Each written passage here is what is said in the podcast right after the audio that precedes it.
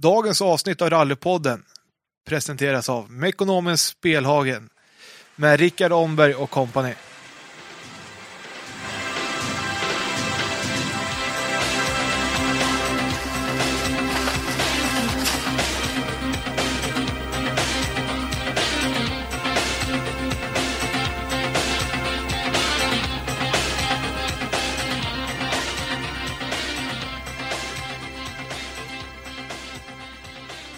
Hej och välkomna till Rallypodden. Är det bra med Daniel? Jajamän, det är jättebra med mig. Hur är det med Hampe då? Jo, det är bara bra. Vi vill tacka alla som har varit inne och gilla och spridit Rallypodden i våran julkalender. Ja, det tackar vi verkligen för. Och framförallt alla samarbetspartners som är med och skänker grejer till de olika dagarna vi har. Ja. Mycket tack. Idag så gästas vi av en professionell racingmekaniker. Välkommen Lisa Jonasson. Tack så mycket, kul att vara här. Är det bra med dig? Det är superbra med mig. Det är ju helg och allt nu så det känns skönt. Härligt, härligt. Ja, vem är Lisa då? Eh, ja, som du sa, jag heter Lisa Jonasson. Jag är 21 år gammal. Kommer från en liten eh, by i Värmland som heter Nykroppa. Men har de senaste ja, ungefär två åren varit bosatt i Avesta i Dalarna där jag har jobbat. Och är just nu mitt uppe i en flytt till Nyköping. Så det är mycket som händer. Kul! Vad gör att man flyttar till Nyköping av alla ställen på världen? Ja, det kan man ju fråga sig. Nej, men eh, dels så blev det ju att jag skulle byta jobb. Och sen så bor min eh, pojkvän i Nyköping. Så det var ganska självklart. Ett helt naturligt steg att ta alltså. Precis. Ja, när började du med motorsport? Eh, ja, alltså precis som många andra inom den här sporten så har jag fått mitt intresse från familjen. Min farfar tävlade i rally på sin tid och min pappa har tävlat också. Och sen var det ju pappa som fick in mig och min storebror Jesper på det här. Så det var på den vägen. Eh, när började du med motorsport själv och, som aktiv?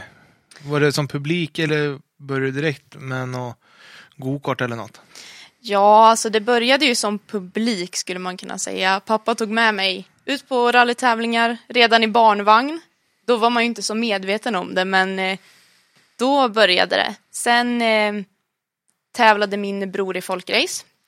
Eh, och jag minns min första folkracetävling. Jag vet inte exakt vilket år det var, men jag var väl ungefär nio år gammal. Det var hans debuttävling. Eh, han hade en nybyggd Volvo som han skulle ut och tävla med. Vi var i Kristinehamn och så i första böj så lägger han sig på taket. Och jag står där helt förskräckt, börjar gråta och springer och sätter mig i bilen och säger jag ska aldrig mer åka på motorsportstävling. Och brorsan var ju väldigt nöjd med mig och mamma som hade sådana tävlingsnerver och inte kunde vara där. Men eh, ja, det var mitt första minne. Men eh, man visste ju inte då att jag skulle stå här några år senare och, och göra det jag gör nu. Men eh, trots den lite knackiga folkrace-debuten så började jag själv tävla det året jag skulle fylla 15.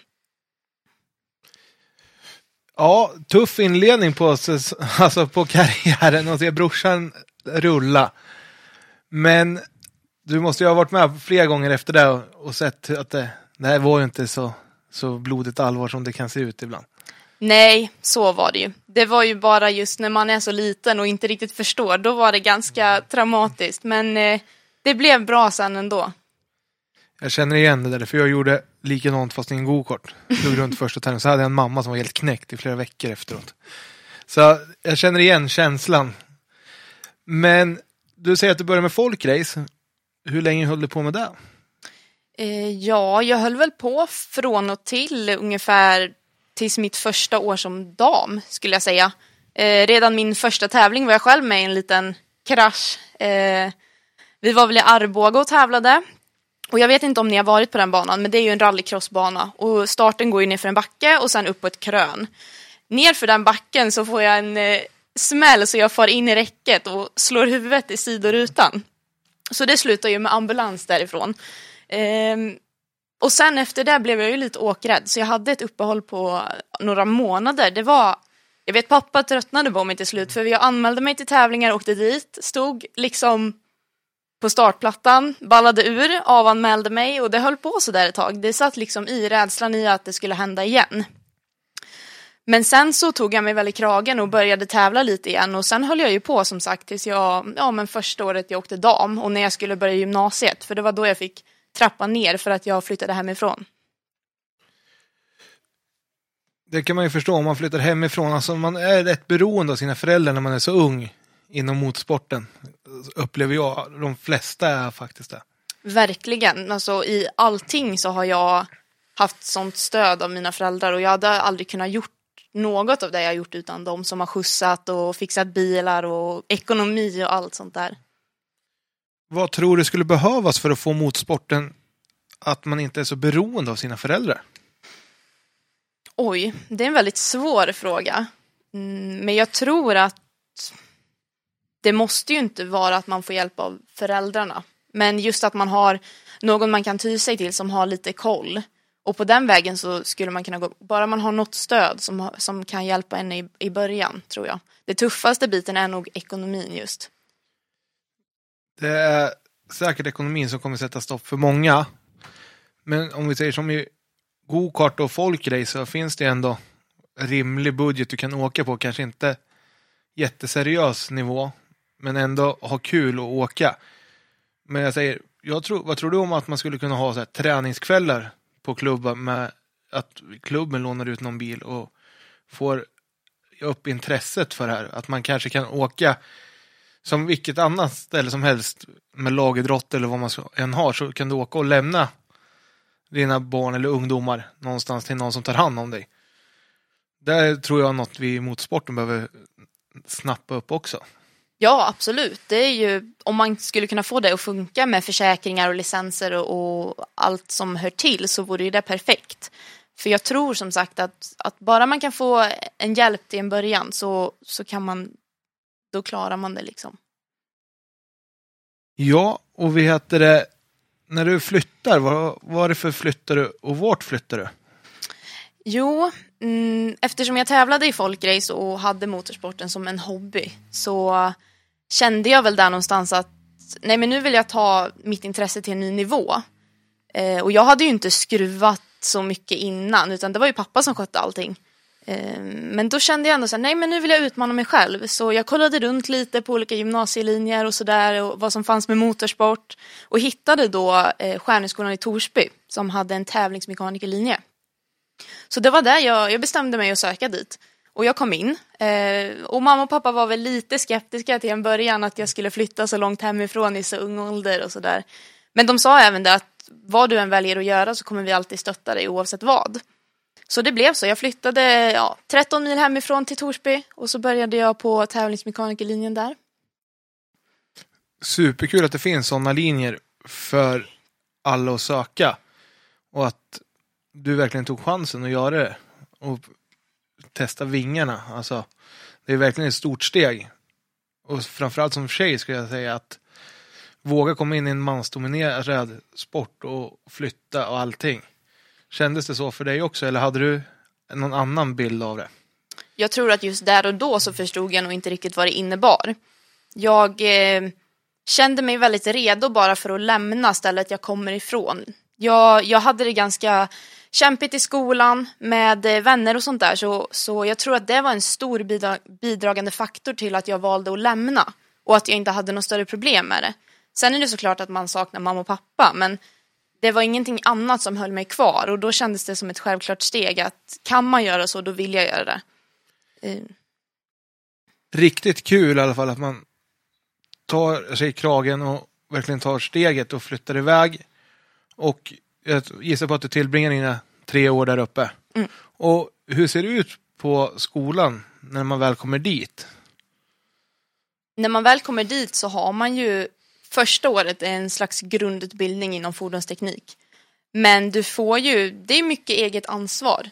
Du får ju vara ute och jobba så mycket som du själv vill så länge du sköter dina studier på samma vis. Och det var ju mycket det jag gjorde.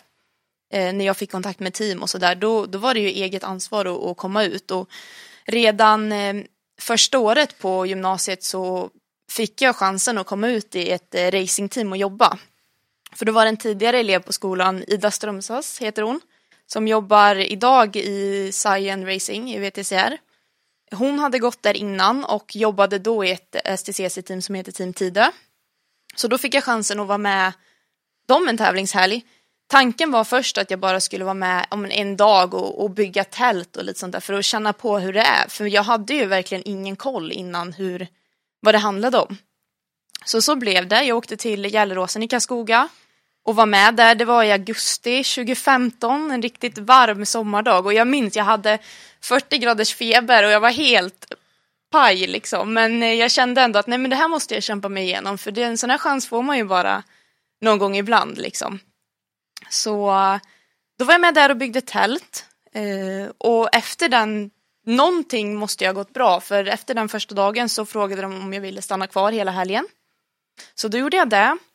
Och ja, jag fick putsa bilen och, och kolla på mest men eh, det viktiga är bara att man visar att man är villig. Det tror jag de, det är det de tar liksom på, på det största, hur mycket du, ja men hur mycket du vill och hjälpa till och sådär. Vilket driv du har då. Precis, yes. Eh, det är väldigt viktigt att visa framfötterna. Så jag var med där den eh, tävlingshelgen och fick in en fot i racing, racingbranschen. Och efter den helgen så frågade de om jag ville vara med nästa tävling också. Och det ville jag ju såklart. Det var ju jättestort liksom för mig då att få den chansen. Så då var jag med helgen efter också på Solvalla. Och det här var ju slutet av säsongen 2015. Så den var ju slut sen, det fanns inga mer tävlingar. Men det var ändå ett bra vis för mig att få in foten i det i alla fall. Måste vara kul att få en stöttning från någon som har gått på skolan innan också. Och få hjälp att hitta de här kontakterna som man kanske inte har annars. För som du pratade om innan så hade du mest varit på rally och folkrace. Och komma in i racingen är ju en helt annan värld jämfört med både rally och folkrace. Ja, och det är ju där man hoppas på själv också, att man ska kunna ses som en förebild för andra killar och tjejer som vill komma in i branschen. Och jag tror det är väldigt viktigt att ha någon att se upp till också och veta att nej, men det här klarar den här personen det, då klarar jag det själv också.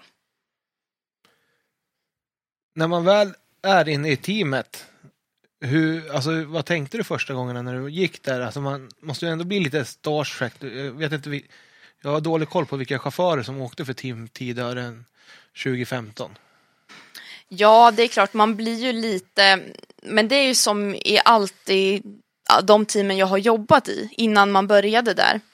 Då tänkte man ju, de här har man ju sett på tvn liksom och man kollar och följer olika serier och så. Så det är ju jättehäftigt och speciellt i så pass ung ålder att få vara med om det.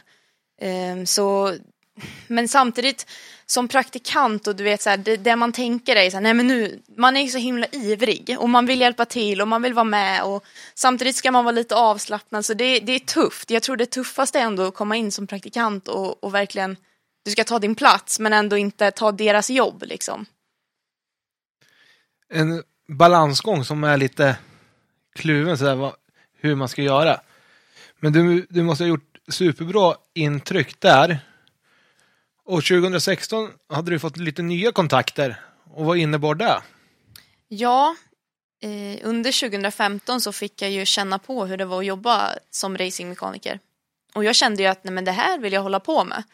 Så inför 2016 så började jag fundera, ja men hur ska jag lägga upp det här? Och det var ju samtidigt som jag skulle börja andra året på gymnasiet. Så vi hade ju mycket mer praktikmöjligheter och sådär. Ehm, så jag eh, fick Eh, av en vän till mig fick jag telefonnumret till ett annat racingteam som heter PVR Racing. Eh, så jag satte mig väl där i skolan jättenervös. Jag har alltid tyckt att det var lite jobbigt att prata i telefon. Och nu ska man ringa till någon man inte känner och fråga om man kan få jobb. Så, mm, så satte mig i skolan och ringde till eh, Daniel Andersson som då var teamchef för PVR. Och så presenterade mig och sa vad jag hade gjort och frågade så här, har ni något eh, jobb åt mig liksom sommar. Um, så då sa han att ja men vi, vi hör av oss. Och veckorna gick och de hade inte hört av sig och jag satt, nej de vill inte, de vill inte ha mig. Jag var nästan lite förtvivlad och kände verkligen det här är ett nederlag. Så var det en, samma vän som jag fick telefonnumret av sa till mig, men Lisa du kan ju inte ge upp i första hand. Du måste ju ringa upp dem och höra av dig igen och fråga. De kanske bara, det kanske har varit något annat som har kommit emellan liksom. Så då eh, satte jag mig ner igen och så ringde jag upp och sa, ja, minns ni mig? Jag ringde för någon vecka sedan och, och sådär. Ja, det gjorde vi, ja. Men eh, hur blir det med jobbet? Ja, men du kan få, du får jobb här. Du får vara med hela säsongen som supportmekaniker. Så, så blev det. Så första tävlingen gick i Skövde 2016 och då fyllde jag 18. Så att det var en turbulent tävling kan man säga. Skövde var ju också det var en tillfällig bana. Det var ju ingen eh, riktig racerbana utan det var väl på flygplatsen i Skövde. Så det måste ju ändå varit väldigt mycket inställningar på bilen som skulle göras om. Lite hoppigare asfalt och sådär. Ja, absolut. Och sen, eh, ja, våran chaufför satte bilen i muren. Så vi hade lite extra arbete kan man säga. Men eh, som, som ny in i ett team så var det väldigt mycket annat jag fokuserade på just den helgen än, den biten kan jag säga. Vad fokuserar man på? Alltså, bygga ett gott rykte är alltid bra. Jag kan tänka mig att det kändes jätteviktigt de här första helgerna du skulle vara med ett nytt team. Ja, det handlar ju mycket om att, som jag sagt innan, visa framfötterna och vara på tå hela tiden. Och, och om det är någonting man kan göra så ska man hoppa in och, och sådär. Så det är ju mycket som går runt i huvudet. Uh. Men när man sätter en bil i muren i, i racing sådär.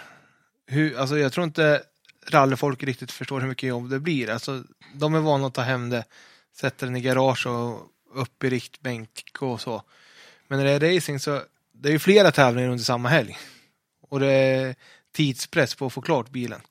Det blir att jobba dygnet runt, det får man ställa in sig på. Det blev inte mycket sömn den tävlingen och inte överlag den säsongen.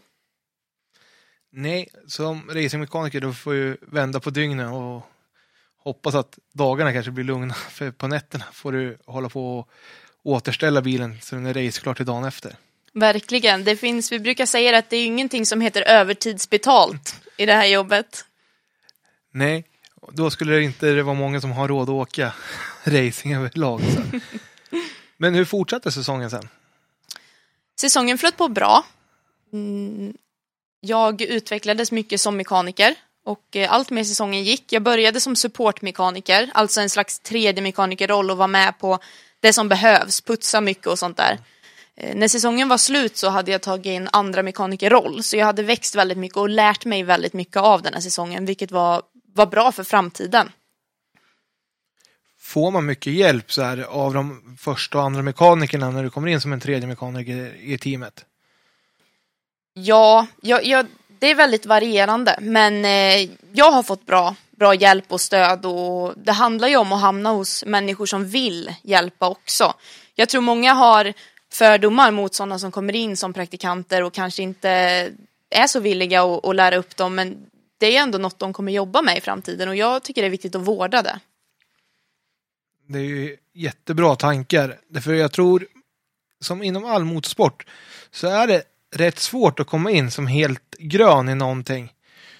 För man får väldigt konstiga blickar på sig och sen när man väl visar framfötterna, det är då, ah, då vill alla snappa upp en istället. Ja, precis. Och sen många kan ju ofta tro att största fördomen för min del har legat i att jag är tjej. Men det har ofta många gånger också varit att jag är väldigt ung. Jag har ju alltid varit yngst i alla team jag har jobbat i. Och jag är ju fortfarande idag ung fast jag har gjort, har några år på nacken nu. Så. Så 2016 var ett år som du fick lära dig väldigt mycket och avancera i din mekanikerroll om man säger. Ja, det var verkligen ett lärår för mig och det utvecklade mig väldigt mycket både som person och som mekaniker just. Eh, och efter den säsongen så var det ju dags att gå in på sista året på gymnasiet och även praktik i princip på heltid. Så jag förde en dialog med PVR om, om möjligheten fanns att ta in eh, en praktikant på heltid och, och tyvärr så passade inte det då. Men de sa även det till mig att eh, men Lisa det här är inte det sista vi ser av dig. Vi kommer ses senare. Och det kändes ju som en trygghet på något vis att man hade knutit en bra kontakt i just PVR och, och att man kanske hade en möjlighet att komma tillbaka i framtiden. Så det kändes väldigt bra. Eh, och så, mm. Då blir det nya utmaningar 2017 då, hör vi här. Och vart hamnar man då då? Det blir i princip samma sak som tidigare år. Det är att sätta sig ner och ringa någon ny och fråga om det finns något jobb.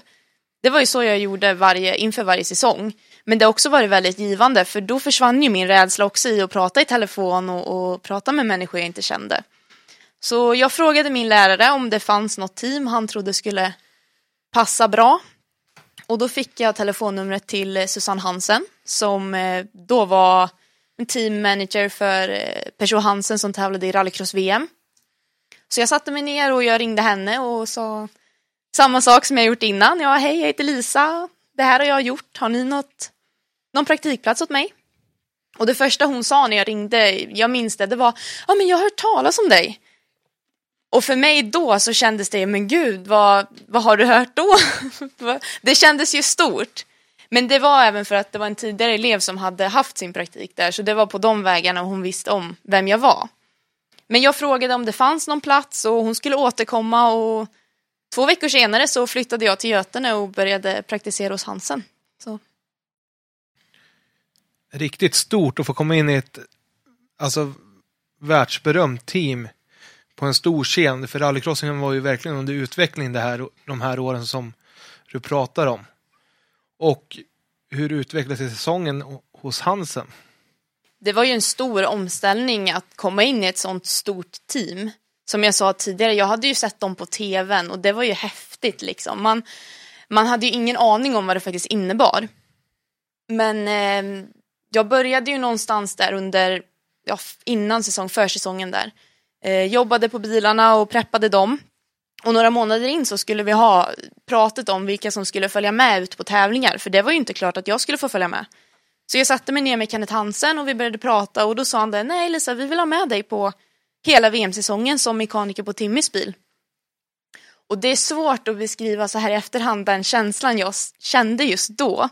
Men det var så himla stort för mig för det var något jag aldrig har varit med om innan dels väldigt utmanande men att få åka ut och resa så mycket och sådär det var jättehäftigt och jag vet jag ringde hem till pappa och berättade det här och han var ju mer exalterad än vad jag var. Han ville ju följa med istället. så att eh, det var jätte, det var stort. Så säsongen började ju någonstans där i april i Barcelona tror jag och slutade i eh, Sydafrika senare i november. Eh, och det var väldigt tufft skulle jag säga. Eh, jag har inte pratat så mycket om det tidigare, men eh, nu i efterhand när man har fått analysera och känna efter hur man kände under den säsongen så det var rent ut sagt bara tufft. Eh, man blev väldigt, jag var ensam tjej, kvinnlig mekaniker i just störst, ja, VM-cirkusen där. Och man blir väldigt eh, utstirrad och kanske om man gör någonting misstag så syns det såklart mer än om en kille skulle göra något och sådär. Och jag tyckte väl att det var, det var jobbigt.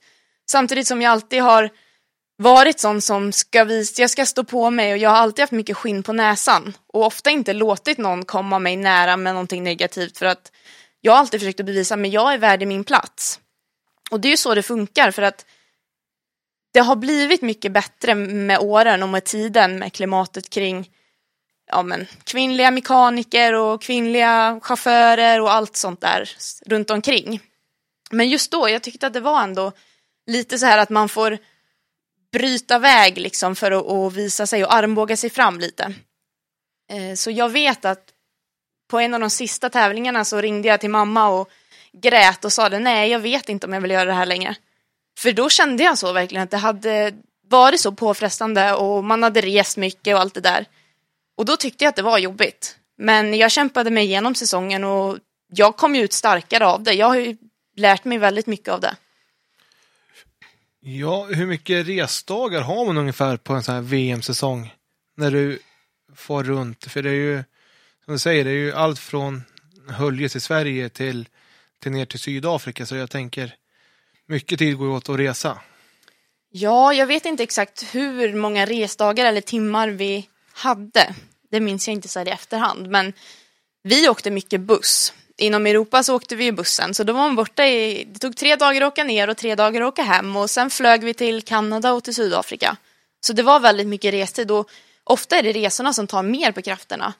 Många har ju förutfattade meningar om att vi lever ett glamoröst, glamoröst liv som får se så mycket och, och uppleva världen. Men i själva fallet så får man ofta bara se en flygplats och en bandepå i princip. Ja, de är inte jättesexiga faktiskt.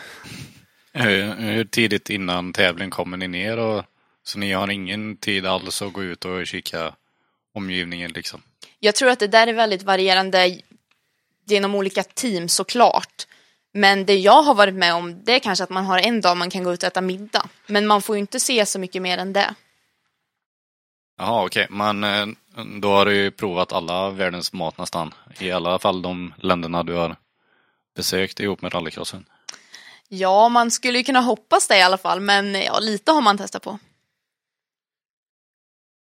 Mycket resor, mycket minnen. Men vilket är det roligaste minnet du har från säsongen? Det roligaste minnet? Ja, det har ju varit häftigt att få uppleva, ändå se lite olika länder. Och den, det finaste och häftigaste var nog ändå att vara i Kapstaden. Det är häftigt med de här bergen och, och sådär, det är väldigt fint där. Men den häftigaste tävlingen måste jag ändå säga är Höljes. Det känns som ett självklart svar, men det är ju för att man har vänner och familj som är där och kollar och det blir, det blir lite annat när det är på hemmaplan. Jag tror det är svårt att komma upp i stämningen som det är i Höljes runt allting som finns där uppe. Bara skog egentligen som man ser när man kommer. Men under Magic Weekend så är det 50 000 åskådare. Verkligen, man måste nog vara där och uppleva Höljes för att förstå vad man menar med det. Men det, det är riktigt häftigt och det är få tävlingar med VM-status som har just den känslan som det är i Höljes. Kul att det finns i Sverige, att vi är bra på att arrangera tävlingar och jippon runt omkring tävlingen. Det ska vi vara stolta över tycker jag. 2018. Efter ett tufft 2017 som det låter. Ja, efter 2017, eh, jag tror det var sista tävlingen när vi stod i Sydafrika. Då hade Peugeot precis gått ut med att de skulle bli fabriksteam. Vilket innebar att eh, vi mekaniker som jobbade alltså närmast Hansen och på verkstaden, vi fick gå hem. Så, och jag hade ju precis tagit studenten där under sommaren också så att jag var ju tvungen att ha ett jobb. Jag ville inte gå arbetslös. Men det fick bli någon slags mellan månad där när jag gick och var lite ledig efter alla resor och sådär.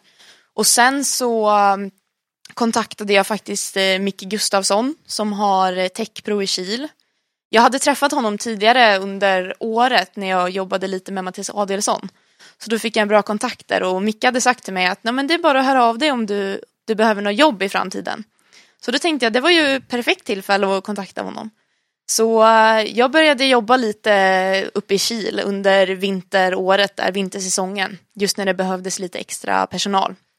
Så det gjorde jag, fick jobba lite med stötdämpare och rallybilar och sådär och det är ju det jag Rallybilar har ändå varit något jag alltid har brunnit lite extra för. Det här lilla grisigare, ligger under en eh, rallybil i snön och sådär. Det är det jag alltid tyckte är nästan roligast. Så, mm. Du nämner Mattias Adielsson han var ju första gästen vi hade här.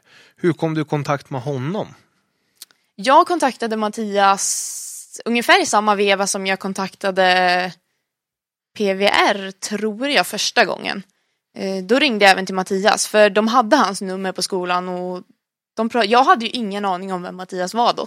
Förlåt Mattias, men eh, det är sant. Jag hade bara hört att ja, men det är en rallyförare från eh, Göteborg och att det var tidigare elever på skolan som hade försökt få praktik där men det var ingen som hade fått något jobb. Så jag ringde upp och berättade vem jag var och alla som känner Mattias vet ju att man blir väl bemött där och sådär. Så sen blev det att jag var med honom på ett test uppe i Rissna vintern 2017 tror jag att det var. Eh, sen var jag även med i Östersund på SM-deltävling nummer två när han och Andreas tog SM-guld i den tävlingen. Då var jag med och sen så har vi jobbat lite ihop så det är på den vägen. Där ser man, ibland korsas vägar som man inte vet om.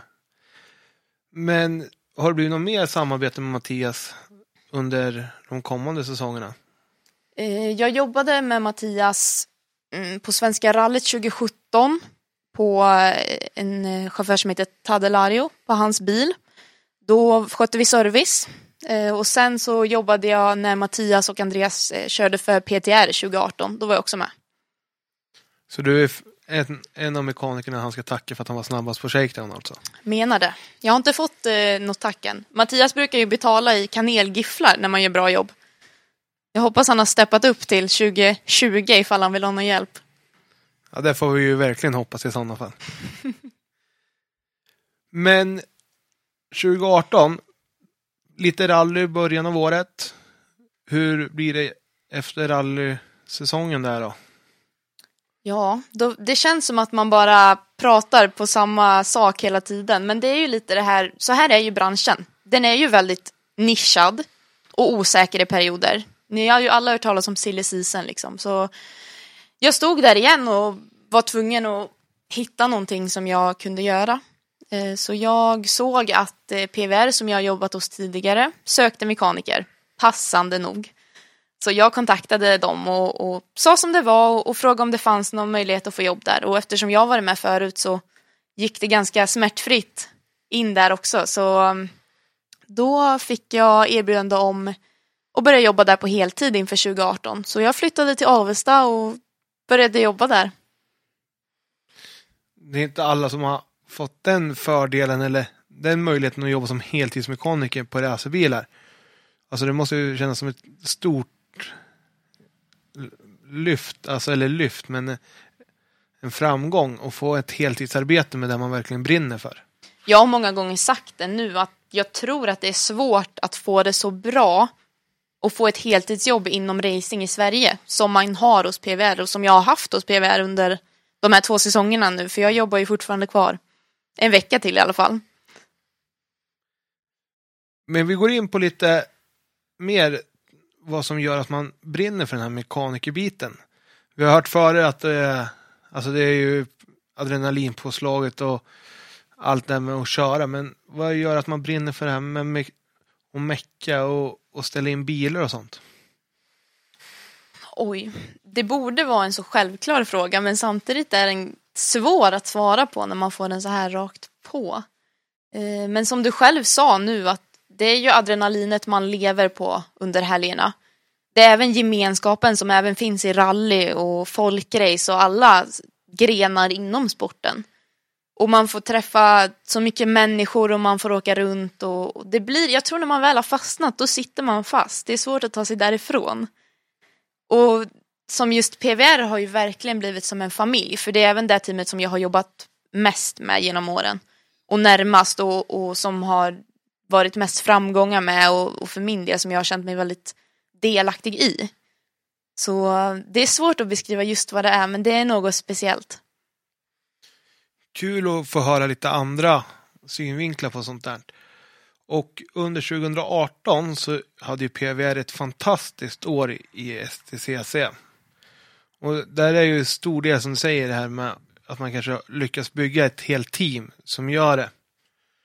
Ja, verkligen. Eh, PVR har ju haft, de startade ju 2012 eh, och har verkligen byggt upp en fantastiskt framgångsrikt team med bra människor och de jobbar mycket med det som skapar värde och, och sådär. Så att eh, 2018 var ett, eh, ett bra år. Det slutade ju med att vi vann eh, teammästerskapet men inte förartiteln som vi hade hoppats på. Och vi blev ju även, jag har ju jobbat som eh, ansvarig mekaniker på Mikaela Olin Kotelinskis bil nu under två säsonger. Så vi blev ju faktiskt, eh, ja hon blev första kvinnliga STCC-förare att vinna ett lopp förra året. Vilket är fantastiskt roligt att få ha varit med och tagit del av den vinsten. Det var ju massa skriverier om det här. Alltså, den glädjen som visades på tv och i sociala medier och allting. Att en sån glädje kan bytas så fort till att vara en ovisshet så länge som det var. Ja, det var väldigt, jag har nästan, som jag sa till dig förut, jag har nästan förträngt den här helgen för det var så himla mycket känslor. Det som hände då var att vi fick en protest lagd emot oss från ett annat team om vårt avgassystem. Jag tänker inte gå in någon mer på detaljer eller prata mer om vad det var eller varför, men det var det som hände. Så det hade lagts protest på två av våra bilar inför andra racet. Vilket vi var omedvetna om eh, runt Mikaelas bil. Och sen eh, körde vi race nummer två, vi vann. Och då lägger de även protest mot Mikaelas bil. Eh, och det var ju inte, vi visste ju inte om vi skulle bli fråntagen vinsten eller inte efter målgång. Så det var, det var tufft var det verkligen. För det var en eufori i att eh, vi vann och det var kul. Och sen så blev man, eh, drogs man ner ganska fort av att ja men vi kanske blir fråntagen vinsten. Tuff tid, alltså rent generellt för hela teamet måste det vara. att gå i, alltså från att ha första kvinnliga föraren som vinner ett STCC-lopp till att man kanske inte ens får en enda poäng under hela helgen. Nej, och man lägger verkligen ner hela sin, sin själ och allting i det här och därför blir det ju så känslofyllt också. Och vi åkte ju verkligen därifrån, men jag åkte därifrån med en klump i magen för att det kändes som att man vill ju inte tro, man vill ju inte att någon ska tro att man har fuskat sig till det här. Varför skulle vi ens riskera en sån sak när vi jobbar så hårt för det här? Så det var, det var tufft, men i slutändan så var det ju våran vinst och vi vann den så det var skönt. Riktigt kul för er faktiskt. Och som du säger, teammästerskapet väger väl ändå lite högre än förmästerskapet för er som mekaniker. Självklart så är ju en vinst alltid en vinst. Men helst så skulle man ju vilja vinna allt om man ska vara sån. Så är det alltid. Mycket vill ha mer. Mm. Men man måste ändå ta det ett, ste- alltså, ett steg i taget. Och vinna teammästerskapet. Det var ju tuff konkurrens förra året också. Och det gjorde ju att förartiteln, det gällde väl in till sista tävlingen om jag inte missminner mig. Ja, sista tävlingen var väldigt eh, mycket som hände på samma gång. Så växellådan gick sönder på Robert Ahlgrens bil när vi fightades om att vinna titeln. Tråkigt. Alltså det är det som är motorsportens dilemma är ju att materialet kan ju svika ibland. Så är det ju. Alla vet ju hur det funkar, men att bryta ihop och komma igen, det har man gjort många gånger. Yes. 2019 då? Du sa att det var nu andra året inleddes med PVR här också. Du får en hel försäsong. Du slipper den här oro vad som ska hända. Hur kändes det? Det kändes väldigt tryggt och väldigt skönt att få fortsätta och fortsätta med samma chaufför och samma bil och allt det där. Det, det bygger ju upp en som, som mekaniker också, att man vet vad man gör och nu har jag mycket mer kött på benen inför i år. Och vi inledde ju säsongen starkt med att vinna första racet med Mikaela så det satt ju väldigt eh, fint skulle man säga. Skön start på säsongen. Och det tror jag är som, du, som vi pratar om att man har en trygghet i vad man har gjort och byggt upp en lagmoral alltså i med Mikaela och allihopa känner sig trygga i vad de ska göra, när de ska göra det också. Ja, och jag har ju alltid, som jag sa innan, att eh, PVR har ju varit så mycket mer än ett team för mig. Det har varit min familj. Och det känns ju extra skönt och, och att det går bra för oss tillsammans som en familj. Hur fortlöper säsongen 2019? Därför jag tror Rally-Sverige har nog halvdålig koll på racing om man säger. Säsongen eh, fortlöpte bra. Det gick som vi hoppades på. Det gick bra. Det har gått jättebra i år. Eh, och vi avslutade med att vinna förartiteln. Som vi ville göra året innan också, men nu tog vi hem det. Kul att få se Robbans glädje i slutet av säsongen och verkligen ha lyckats säsong, hel, alltså varje tävling under hela säsongen. Har man sett att det har funnits extra fart hos Robban. Fantastiskt kul att allt hårt slit verkligen lönade sig i slutändan. Man får ju gratulera till en strålande säsong och både en teamtitel 2018 och en förartitel 2019. Fullbordat kan man säga då. Ja, det får man vara stolt över. Det känns eh, skönt. Nu tänkte jag att vi ska gå in på lite av din, alltså, av din rallykarriär som du har. Mm. Och eh, du har ju åkt kartläsare. Och hur började, du- började du med det? Jag har väl länge innan jag tog min licens funderat på att jag vill åka rally. Men eftersom jag haft det jobbet jag har så har det varit svårt att få helgerna att gå runt och att det ska passa och satsa så som jag vill. För jag känner ändå att om jag ska göra någonting så vill jag gå in helhjärtat. Jag vill inte göra det halvdant. Men inför eh, 2018 där så kände jag ändå att jag vill ändå ta licens så, så jag har den ifall jag ska åka. Så jag tog licensen där på vintern. Och sen eh, åkte jag min första notade tävling men utom tävlan. Eh, på rallybiltema i Karlstad. Med pappa som chaufför. Så lånade vi min brors S70 och åkte föråkare. Så det var min första notade upplevelse. Det gick väl inte jättefort. Men det var kul för det var pappas eh, comeback efter 30 år ifrån. Så det var superroligt.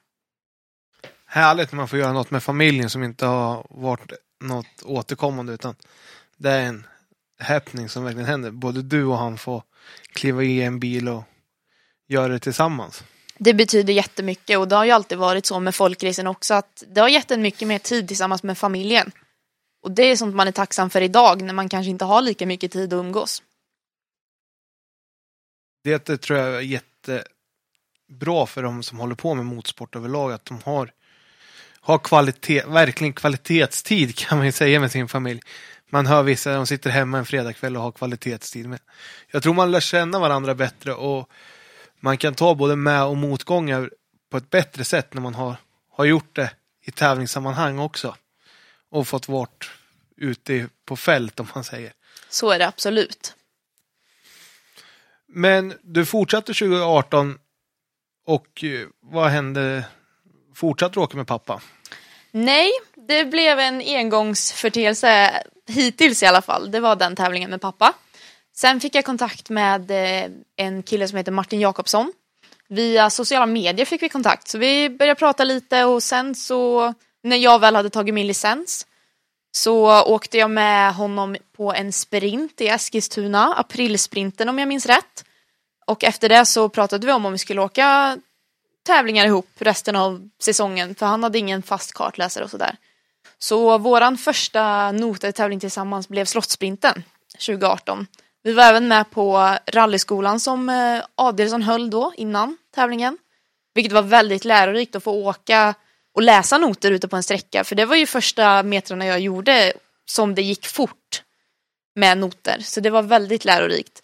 Så vi åkte Slottssprinten och det gick ju bra. Vi hade en liten kris på tvåan där vi gled ut lite långt men vi kom upp på vägen igen och tog oss i mål och hade bra tider så det var en bra debut. Rallyskolan med Adrielsson där. Jag var ju också med och såg alltså ditt engagemang som du hade och verkligen ville ta uppgiften på största allvar. Och då tänkte jag, alltså för att veta att det var din andra gång du skulle läsa noter så tycker jag det var riktigt kul att se. Och Martin ville ju leverera upp till det också. Jag tyckte ni växte ju framförallt ihop under de här, det var ju två dagar. Vi körde ju en dag på bana och en dag i skogen. Ja, det har verkligen varit kul att få åka med Martin för vi, vi har liksom växt ihop på ett vis med det här och utvecklas tillsammans och vi är ju båda unga och liksom så, så det, det har varit jättekul.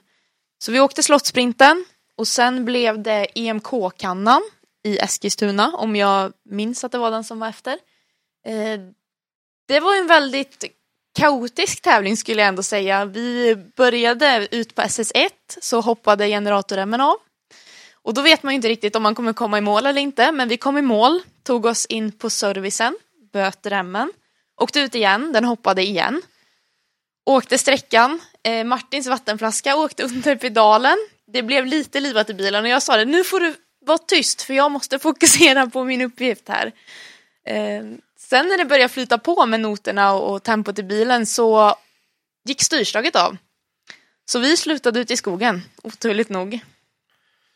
Jobbigt läge när man inte har någon styrning, så när man inte riktigt är beredd på det. Speciellt när det är nedförsbacke. Det är väldigt pirrigt i magen och det enda jag såg framför mig var ett träd så jag tänkte det här kommer göra ont, nu blundar vi. Det är som en dålig karusell. En riktigt dålig karusell, jag hade inte rekommenderat den till någon. Men ni klarade er bra eller? Det gick bra. Som tur var så tog det stopp. Vi hamnade som i ett slags dike skulle man kunna säga och trädet stod ungefär två millimeter ifrån min sida. Så det, jag hade turen på min sida kan man säga. Där vände turen från folkracen. Mm, det gjorde den verkligen. Från att ha slagit huvudet i sidorutan första tävlingen där så blev det stopp nu istället. Mm. Skönt. Ja, det kan man säga. Jag är väldigt glad att det inte, det kunde gått värre än vad det gjorde. Så jag är tacksam för det. Yes. Åkte ni något mer under 2018? Ja, vi åkte väl ett par, nej jag tror vi åkte en tävling till tillsammans 2018. Det var Rikspokalen. Som oturligt nog också slutade efter första sträckan. Men inte i skogen den här gången utan vi tog oss in till serviceplatsen men vi fick bryta. Alltid tråkigt när man behöver bryta. Men alltså, hur känns det att läsa noter alltså, till en förare som är ung och talangfull som Martin är? Jag tycker att det alltid har varit väldigt roligt och som jag har sagt, jag vill alltid gå in helhjärtat för saker och jag satte ju hög press på mig själv från första början. Jag blev ju arg på mig själv när jag inte kände att det satt som jag ville eller att jag tappade bort mig någon gång. För jag tycker inte för min egen del att det är okej. Okay. Sen vet jag att alla har sin läroperiod och jag har ju som sagt inte åkt så mycket om man ser på helheten.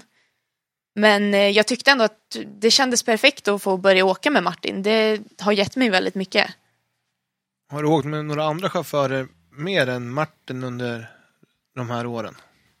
Jag har gjort något inhopp. Jag åkte Finnskogsvalsen 2018 med en eh, detta klasskompis, Robin Holmberg. Där vann vi ekonomiklassen, så det var roligt och häftiga sträckor att åka. Så där i, vi startade ju ganska sent så det var mörkt ute men väldigt roliga sträckor att åka där i snön och ja, det var riktigt häftigt. Och sen hoppade jag även in i Kullingstrofén i somras. Åkte jag lite sucka med Jan-Erik Eriksson och där blev vi tvåa i 1300 rallycup. Så det var, det var roligt. Ja, då har vi gått igenom nästan dina tävlingsmeriter men jag tänker vi ska prata lite mer om det här med tekniska grejer på vad, rall, vad som skiljer mellan att skruva rallycross och vad som mot racing och rally. Vart skulle du säga att du känner dig som mest hemma? Du sa att rally var lite bättre att få ligga under när det var lite smutsigare och lite, lite blött. Det, det var lite, lite roligare än att hålla på med racingbilen, att det blir skitigt på ett annat sätt där. Det är alltid svårt att jämföra när det är så pass olika saker det är ju verkligen helt olika sätt att jobba på på en rallycrossbil jämfört med en racingbil. På racingbilen så jobbar vi ju väldigt mycket med setup. Så fort vi har varit ute och kört ett pass så tar vi in bilen upp på setupbord och kollar av så att ingenting har ändrat sig och sen så jobbar vi ju mest med hjulupphängningar eftersom att vi åker i eh, TCR-bilarna så har vi enhetsmotorer. Vilket innebär att vi går ju inte in och jobbar någonting i motorerna själv utan det enda vi gör är jobba med lite växellåda och hjulupphängning och karossarbete. I rallycrossbilen så jobbar man ju mycket mer, man har ju mycket mer man kan göra på en sån bil. Eh, och inte lika mycket setup, utan i regel kanske man gör setup i början på helgen och om ingenting konstigt händer så kan man åka med det. Samma på en rallybil. Var det någon i rallycrossen som var lite mer så här, att den ville ställa in bilen under tävlingarna? Inte vad jag minns, men det här var ju några år sedan. Men eh, i regel så gjorde man en sån rejäl setup i början av helgen och sen kanske man gjorde någon dubbelcheck i, emellan under tävlingens gång också. Men inte alls i samma utsträckning som vi gör på en racingbil. När du säger så här, setupbord, det tror inte jag många rallyåkare vet vad det är. Vad, vad gör man då? Ett setupbord är ju som det låter, det är ett bord som vi har, det är fyra bord, ett under varje hjul som vi har ställt i våg. Alltså alla är lika lika i höjd och plana. Så att det ska vara som att du står på ett rakt golv i princip. Och sen ställer vi upp bilen på de borden och sätter på ett par speciella hubbar som vi har på ja, men själva hubben på navet på bilen. Så står de på borden och där mäter man sen höjd och kollar toe och camber och ställer in eh, bilen för att den ska vara race ready liksom. Eh, vad jag har förstått lite, jag är inte så insatt i racing, men vissa banor kräver vissa andra hjulinställningar. Och är det någonting ni noterar, den banan behöver det vara på det sättet, på den banan så är det något som noteras liksom? Om man har åkt på en bana tidigare så har man ju oftast kvar gammal information och setup sen tidigare, vilket är en fördel många gånger. Eh, eftersom vi har tävlat i VTCR i år också med PVR som är VM eh, serie i TCR så har ju inte vi åkt på banorna innan för vi är ett nytt team i serien. Och där har det ju varit tuffare att hitta rätt eftersom att man får verkligen testa sig fram på den lilla tiden man har. Men hemma i Sverige har vi ändå tävlat i några år så då har man ju lite bakgrundsinfo innan en helg. Men i regel så har vi ju ett testpass och då får vi ju ut och testa lite olika och greja lite med bilen under testpassets gång. Och sen kommer man ju i regel fram till en setup man vill ha sen resten av helgen. Men sen får vi hela tiden kolla av så den inte har ändrat sig efter vi har varit ute och tävlat.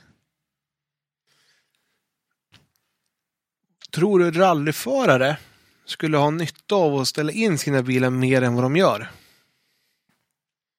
Jag tror att idag så har de flesta så pass bra koll så att de vet att de har så bra bilar som de kan få med den, alltså den informationen de har sedan innan.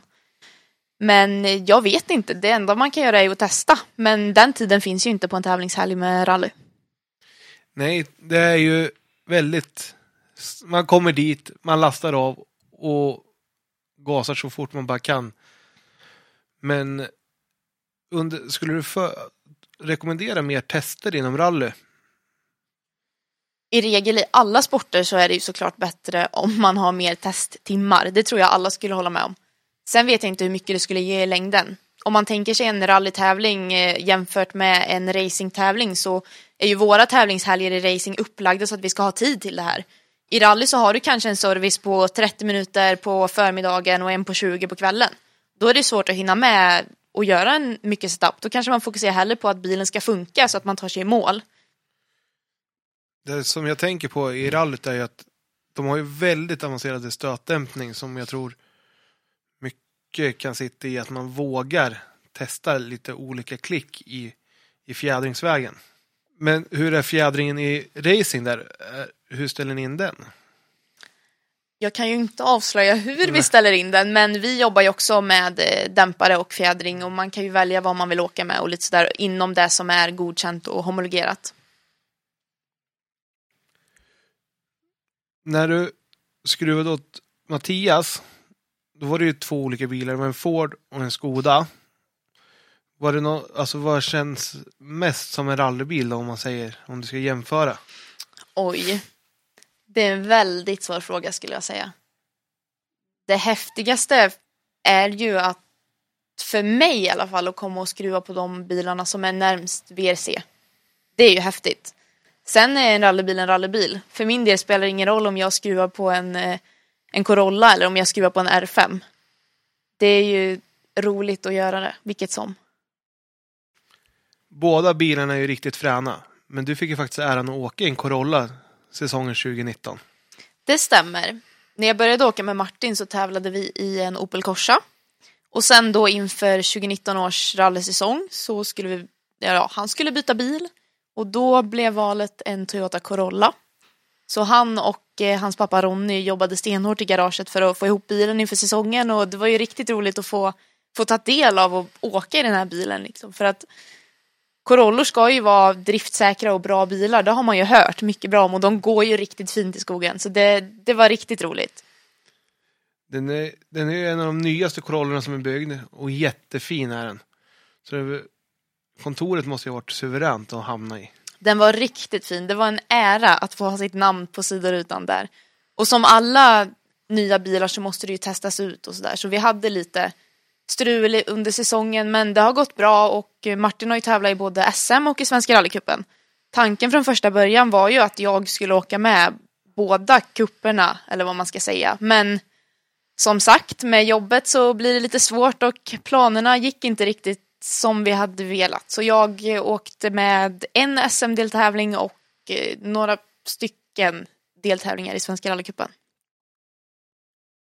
Vad gillar du mest av att åka? Med SM eller Svenska rallycupen eller mindre tävlingar? Arrangörsnoter? Rally är ju alltid roligt att åka oavsett. Men om man ska se just för erfarenheten så tror jag att SM-tävlingar är väldigt bra just med rek och så vidare. Vi körde ju med arrangörsnoter.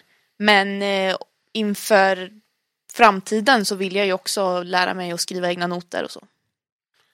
Det blir ju kanske bra när du flyttar till Nyköping då. Så du och Andreas får chansen att åka ut och skriva noter. Då har vi något att bita i. Så det är ju perfekt. Ja, för han måste ju försöka få ihop något till nästa år. Jag pratade med han här innan podden och sa, du ska ju åka ner i Europa. Och han sa, nej, det kommer jag inte göra. Men om du fick bestämma vad skulle, hur skulle din säsong 2020 se ut då? Nu är det ju mer att jag får vara lite realistisk i vad som kommer funka. Och mitt mål inför 2020 är att kunna åka så mycket rally som passar och åka för att ha kul. Och det kommer ju bli några tävlingar i Woken med eh, Andreas och sen har jag inte så mycket annat spikat så vi får se vad det blir. Kanske blir någon tur till Finland och, och sådär, det vet man aldrig. Det låter ju jättespännande. Men hur skulle du i alla fall summera rallytiden? Alltså det är mycket racing, men din rallytid som du har haft? Den har ju varit fantastisk. Rally har ju alltid varit någonting som har följt med sedan barnsben. Så det har ju betytt extra och, och fått komma in i det också. Och gemenskapen och vännerna och att det, familjen är med på det och sådär. Och nu att man har träffat någon som har samma intresse, det kan ju inte bli så mycket bättre. Nej, det kan jag förstå. Och sen en, alltså, en återkommande fråga är ju hur är det att komma in som tjej i den här mansdominerade sporten? Jonna sa att hon tyckte att det hade varit tufft men ändå man blir väl omhändertagen. Om jag ska jämföra eftersom att jag har haft eller har det jobbet som jag har så tycker jag att det har varit tuffare att armbåga sig fram som mekaniker än vad det har varit just som tävlande i rally eller i folkrace. Jag tycker alltid att jag har blivit väl omhändertagen och, och såklart finns det ju alltid någon som tycker något men jag, jag har inte känt av någonting. Jag tycker det är en jättefin gemenskap överallt och man hälsar alltid på varandra i depån och nej, jag tycker rally, det är en jättefin stämning. Det är jättekul att höra. Och sen finns det ju alltid rötägg överallt vart man än är i samhället. Så det där kommer man ju inte ifrån. Det går inte att undgå någonstans. Så det, det goda överväger det onda så att säga. Det är så det ska vara. Och vi heter det, när man pratar om vi heter det, tjejer så tycker jag det kommer fler och fler tjejer in i de flesta motorsporter. Vad tror du att det beror på? Jag tror att det kan mycket bero på de tjejerna som har banat vägen innan. Att andra får upp ett intresse och sen många som men känner att det spelar ingen roll idag liksom vad man har för kön. Det handlar om ett intresse och, och oftast också vart man kommer ifrån, i, vad man har för intressen i familjen och sådär. Och jag har ju tryckt väldigt mycket på att tjejer måste våga ta för sig och komma in och, och mycket när jag har varit föreläst och sådär också att jag har pratat mycket med tjejerna och så. Så det, mm. Ja, du har ju blivit en rutinerad föreläsare och fått vara med på Svenska Bilsportförbundets tjejläger och föreläst. Hur kom det sig? Jag blev kontaktad, jag vet inte riktigt, jag tror att det var Susanne Kotulinski som pratade med mig om jag ville komma dit och föreläsa. Eh, och det ville jag ju såklart, jätteroligt, men också lite läskigt för det var första gången jag skulle prata inför människor och berätta om min resa och så och det är alltid lite skrämmande på något vis för man vet inte riktigt hur man ska formulera sig för att det ska bli rätt och man vill ju inte säga någonting fel eller sådär. Men eh, jag tänkte väl ut lite vad jag, ville komma, vad jag ville få fram och så var jag där och föreläste och det var ett väldigt speciellt ögonblick för när jag hade föreläst klart så stod jag där och så kollade jag till höger och så såg jag Magnus Lampert stod där med tårar i ögonen och lite gömde sig bakom gardinen lite sådär och han sa det att ja, man tänker ju på liksom sina egna barn och sin dotter och man blir rörd. Och då brast det lite för mig också så jag började också gråta där och sen kom Mikaela och Jessica Bäckman och Magda och det blev en liten gråtfest där så vi satt och kramades och men det var så fint också för att ibland måste man bara få få ha sån där och det är verkligen äkta känslor och man kan lära sig av varandras historier och berättelser. Så det var något, det är ett minne jag håller starkt om hjärtat. Det kan jag verkligen förstå. Att det är så skönt att man kan visa känslor även inom motorsporten. För det har varit lite tabu så att känslor det visar man inte inom motorsporten riktigt. Nej, så har det ju varit och som jag sa förut när jag jobbade just i rallycrossen där när det var lite tuffa tider ibland. Jag försökte ju verkligen hålla allt inom mig men det är ju då det till slut brister och rinner över och jag tror jag har alltid varit rädd för att anses som svag om jag visar känslor. Men nu med senare år så har jag ändå känt, men vad spelar det för roll? Jag är jag och jag har mina känslor, det har alla. Och det är ändå en starkt att kunna visa det också. Jag tycker nästan det är svagare om man inte törs visa att man har sina dåliga dagar ibland liksom. Man måste våga vara sig själv. Alltså man kan inte vara någon annan än sig själv. Och då har man, alla har känslor som du säger. Och vissa har det närmare än vad andra har. Så är det, verkligen. Och jag vet ju bara 2018 när Mikaela vann eh, STCC-loppet på Karlskoga. Eller TCR som det heter då. Jag säger alltid STCC men jag vet ju att de har bytt namn. Men, och nu byter de igen. Men eh, TCR-loppet när hon vann.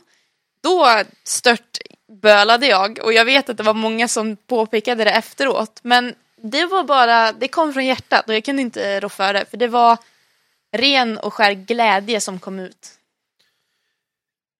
Man måste, det är ju sådana bilder som man kommer ihåg, alltså av firandet. Man kommer inte ihåg något så här som bara yes, jag vann, utan det ska ju vara verkligen känslostormar när man vinner. Absolut. När man vet det, pratar om föreläsningar så är det lätt att komma vidare till en tv-sändning som jag sett med dig. Hur kom det sig att man hamnar i en morgonsoffa på TV4? Ja, det var väldigt oväntat skulle jag säga. Men det var i början när jag precis hade börjat jobba heltid hos PVR på våren. Så får jag ett samtal på telefon från eh, TV4 som sa att de ville ha mig dit och prata om eh, min karriär och motorsport. Och jag förstod inte att det var sant det var så sjukt att de hörde av sig till mig av allihopa. Johan Kristoffersson hade blivit världsmästare innan, ta med honom tänkte jag. Vad vill ni ha mig dit för? Men allt är jättekul såklart. Och det var för att de hade sett en eh, tidningsartikel med mig som jag hade gjort någon vecka innan. Så då tyckte de att jag skulle komma dit och prata. Så då var jag med där i TV4 och pratade om eh, motorsport och min lilla resa och, och sådär det var ju stort för mig såklart, men jag tyckte att det var ännu större för just motorsporten att få vara med och ta lite del i liksom TV4 och på bästa sändningstid och få synas. Det var det som betydde mest för mig. Det kan jag förstå och när du sätter dig där framför en tv-kamera och tänker hur, hur var känslan då? Du vet att det är flera miljoner som kommer titta på det här också. Eller kopplar man bort det när man sätter sig i soffan? Jag var supernervös innan. Jag fick eh, bo på ett hotell i Stockholm dagen, natten innan. Och så var det en taxi som kom och hämtade mig på morgonen. Åkte till studion. Eh, fick, eh, blev insläppt, satt i smink, fixade det, fick sitta och vänta och fick sitta där inne i det rummet där alla programledare kommer in och tar sin, äter sin frukost och dricker sitt kaffe och det var ju helt overkligt att vara där. Sen blev man myggad och så fick man gå ut och man fick ju prata lite med programledarna innan när kamerorna inte rullade, vilket var väldigt skönt för man blev väldigt avslappnad. Så sen tänkte inte jag på att det var kameror eller att man var myggad eller någonting. Sen är det ju såklart i efterhand att man tänker sig, men varför sa jag så där och hur ser jag ut där? Och... Men man får liksom ta det som att, nej men det var jag då och det var så, det gick, jag gjorde så bra jag kunde. Man gör alltid så bra man kan när man hamnar i sådana sammanhang tror jag. Man, man växer som människa av att ha lite press på sig. Så super, den är superbra. Jag rekommenderar verkligen om den går att se någonstans. Vet om det går att göra det så här i efterhand? Ja, den finns på Youtube. Så det, man kan söka på Lisa Jonasson Nyhetsmorgon. Där ser man. Är det något mer du vill prata om i din mekanikerväg? Jag tror att vi har fått med ganska mycket. Även om det känns väldigt rörigt just nu när man har suttit här och spelat in. Men jag hoppas att, att det har kommit fram på rätt sätt. Och att eh, som sagt, jag, jag tycker det viktigaste är att man ska tro på sig själv. Då kommer man som längst. Och såklart att det är viktigt att man har stöttning från någon runt omkring sig. Men så länge man tror på sig själv så kommer man liksom klara det man ger sig an. hur skulle du rekommendera till att börja att bli racemekaniker? Ja, racing och motorsport generellt bygger ju mycket på kontakter. Så jag tror att man ska försöka kontakta någon som antingen någon som har ett team eller som har jobbat i ett team eller någon som har kontakt med någon i ett team och, och gå den vägen och ringa och höra av sig och visa framfötterna.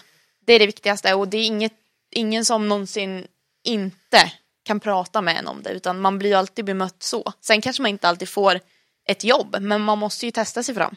Precis som jag gjorde när jag valde att ringa upp en andra gång till PVR där när jag sökte jobb. Ja, man måste visa att man finns i alla fall och har ett intresse. För du säger intresse gör att man kommer få fler möjligheter till det. Precis. Med ett sånt arbete som du har så kan jag tänka mig att du har fått vara på rätt coola studiebesök på olika verkstäder. Mm. Man har ju sett en del platser och fina verkstäder. Kan För- du nämna något smaskigt? Ja, det skulle jag kunna göra. För vad blir det nu då? Ungefär två vintrar sedan tror jag att det var. Då fick jag sätta mig på färjan över till Finland, till Jyväskylä. Så var jag på ett litet studiebesök hos Toyota Gazoo och fick se hur de jobbade och så. Det var ganska häftigt att få se de lokalerna faktiskt. Du, det kan jag tänka mig. Är det något du kommer ihåg därifrån som man, här, wow? Jag tyckte att allt var väldigt wow. Just att se hur, hur stort det var där och hur många olika rum de hade för allt. Här har vi reservdelar, här har vi el, här har vi det här. Alltså det var väldigt häftigt och man förstår ju på den nivån som de tävlar så måste det ju vara så. Och det var ju strikt förbjudet att fota och jag vet inte ens om man får berätta så mycket men ja, det är ju, nej det var riktigt häftigt att vara där. Det kan jag tänka mig. Och alltså, man har ju bara sett de här pressbilderna inifrån verkstäderna hos VRC-teamen. Alltså, det är ju en dröm att få gå runt där och kika och kanske klämma och känna lite. Och, speciellt som mekaniker så måste det vara så här. Allt har väl sin plats, så där kan jag tänka mig. Mm, och jag tog ju med min pappa som lite stöd på den här äh, studieresan. Så att han var ju i extas i princip hela timmen vi var där. Han svävade på moln. Det var verkligen värt äh, resan tyckte han. Fick ni träffa Tommy Mäkinen och de här runt teamet? Nej, det fick jag inte göra. Jag träffade, jag hade kontakt med en som heter Jarmo som sköter lite rekrytering av personal och sådär. Så han pratade och gick vi runt och han presenterade mig för de som jobbade där och så. så. Mm. Coolt! Har du varit på något mer studiebesök sådär? Som man kommer ihåg? Ja, när jag jobbade för Hansen så var vi ju i Frankrike på en verkstad där som ja, Citroën hade sina rallybilar på. Det var också ganska häftigt att se de lokalerna. Nu har man ju ändå lite att jämföra med när man har varit hos Toyota och hos Citroën. Så att, mm. Det är ju superkul att få sådana inblickar. Alltså, jag tror det motiverar en till att fortsätta med det här jobbet man gör hemma i Sverige sen. Mm, verkligen. Jag måste ändå slå ett slag för att det teamet jag jobbar för idag har en vä- väldigt fin verkstad och den ligger ju ändå i lilla Dalarna liksom. Så den, eh, har man chansen att, att åka dit och kolla så tycker jag absolut att man ska göra det. Då kanske det är dags att börja runda av den här podden. Men vi har ju fortfarande våra ständiga frågor, så nu lämnar jag över till Daniel. Ja, innan vi tar dem så hade jag en annan fråga om eh, nu när vi har med en kartläsare med i studion här. Eh, Du blir aldrig illamående när du åker med och läser noter? Jag blir inte det, men jag har en liten hemlighet så att säga. Jag tar åksjuketablett inför varje tävling. Även om jag inte vet att jag blir åksjuk, men safety first. Ja, du vill inte ja, satsa att eh, det kan bli så? Nej, jag känner inte att det skulle vara så rockigt att dra en liten spya i notblocket. Det vore inte jättetrevligt tror jag.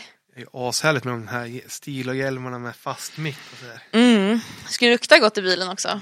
Ja, för jag själv har ju märkt att eh, på senare dagar när man sitter och läser sms eller vad som i telefonen när man sitter bredvid och åker med bara på vanlig väg att fan, jag börjar bli åksjuk nu. jag kan ju tänka mig att det är lite värre i en rallybil. Ja, alltså jag var ju väldigt åksjuk som barn.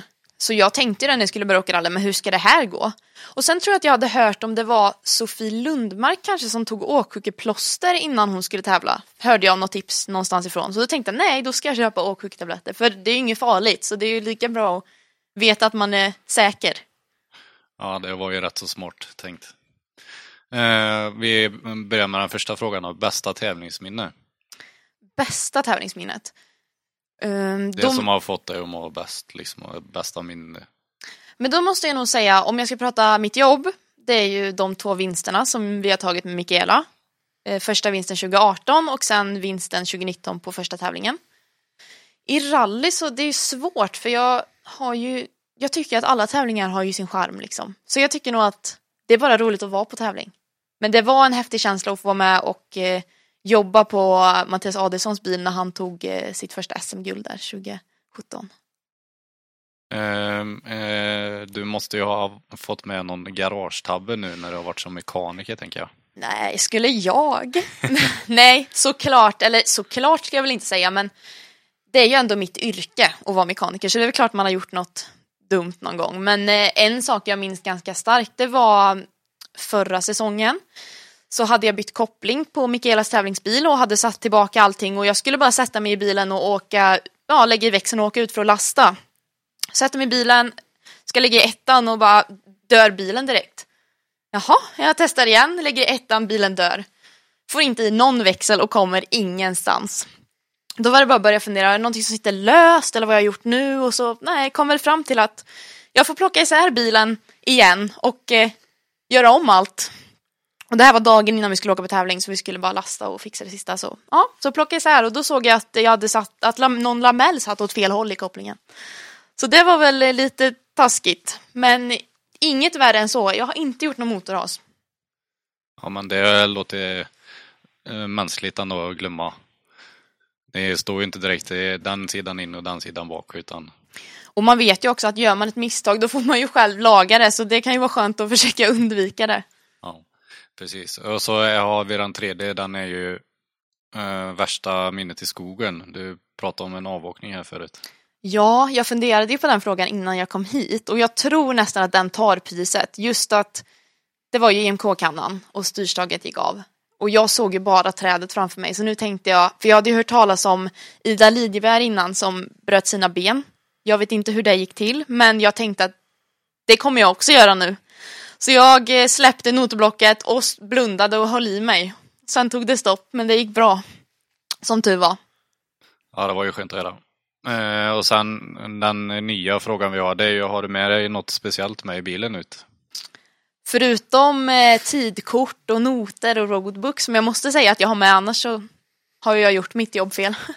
eh, så alla som känner mig vet hur stort mitt beroende av Lypsyl är. Så Lypsyl, det är ett måste vart jag än är. Jag klarar inte av att ha torra läppar. Ja, det, alla har någonting tror jag. I alla fall eh, jag själv har ju alltid med någon dricka när jag ska göra något. Mm. Har inte jag med mig det då, då blir det inget bra. Nej, vatten och Lypsyl är väl i regel sånt som är bra. För mig i alla fall. Lisa, det var superkul att ha dig med i rallypodden. Det har blivit lite rally, lite racing, lite gott och blandat av en mekanikers värld ute i, i tävlingssammanhang. Jättekul att få komma hit och få prata om lite olika saker om vad jag har gjort och jag hoppas att eh, det i slutändan blir något bra av det här. Ja, det tror jag. Alla poddar har sin charm. Men eh, vi tackar Lisa och eh, så tycker jag att ni ska gå in och prenumerera, lyssna på alla andra poddar innan detta med. Om ni inte har gjort det. Vi får inte glömma att Onroaders är med och stöttar oss i det här. Och att de har 170 poddar att lyssna på på Spotify också. När vi inte hinner släppa så många som, som skulle behövas för att ni ska kunna lyssna på jobbet. Precis.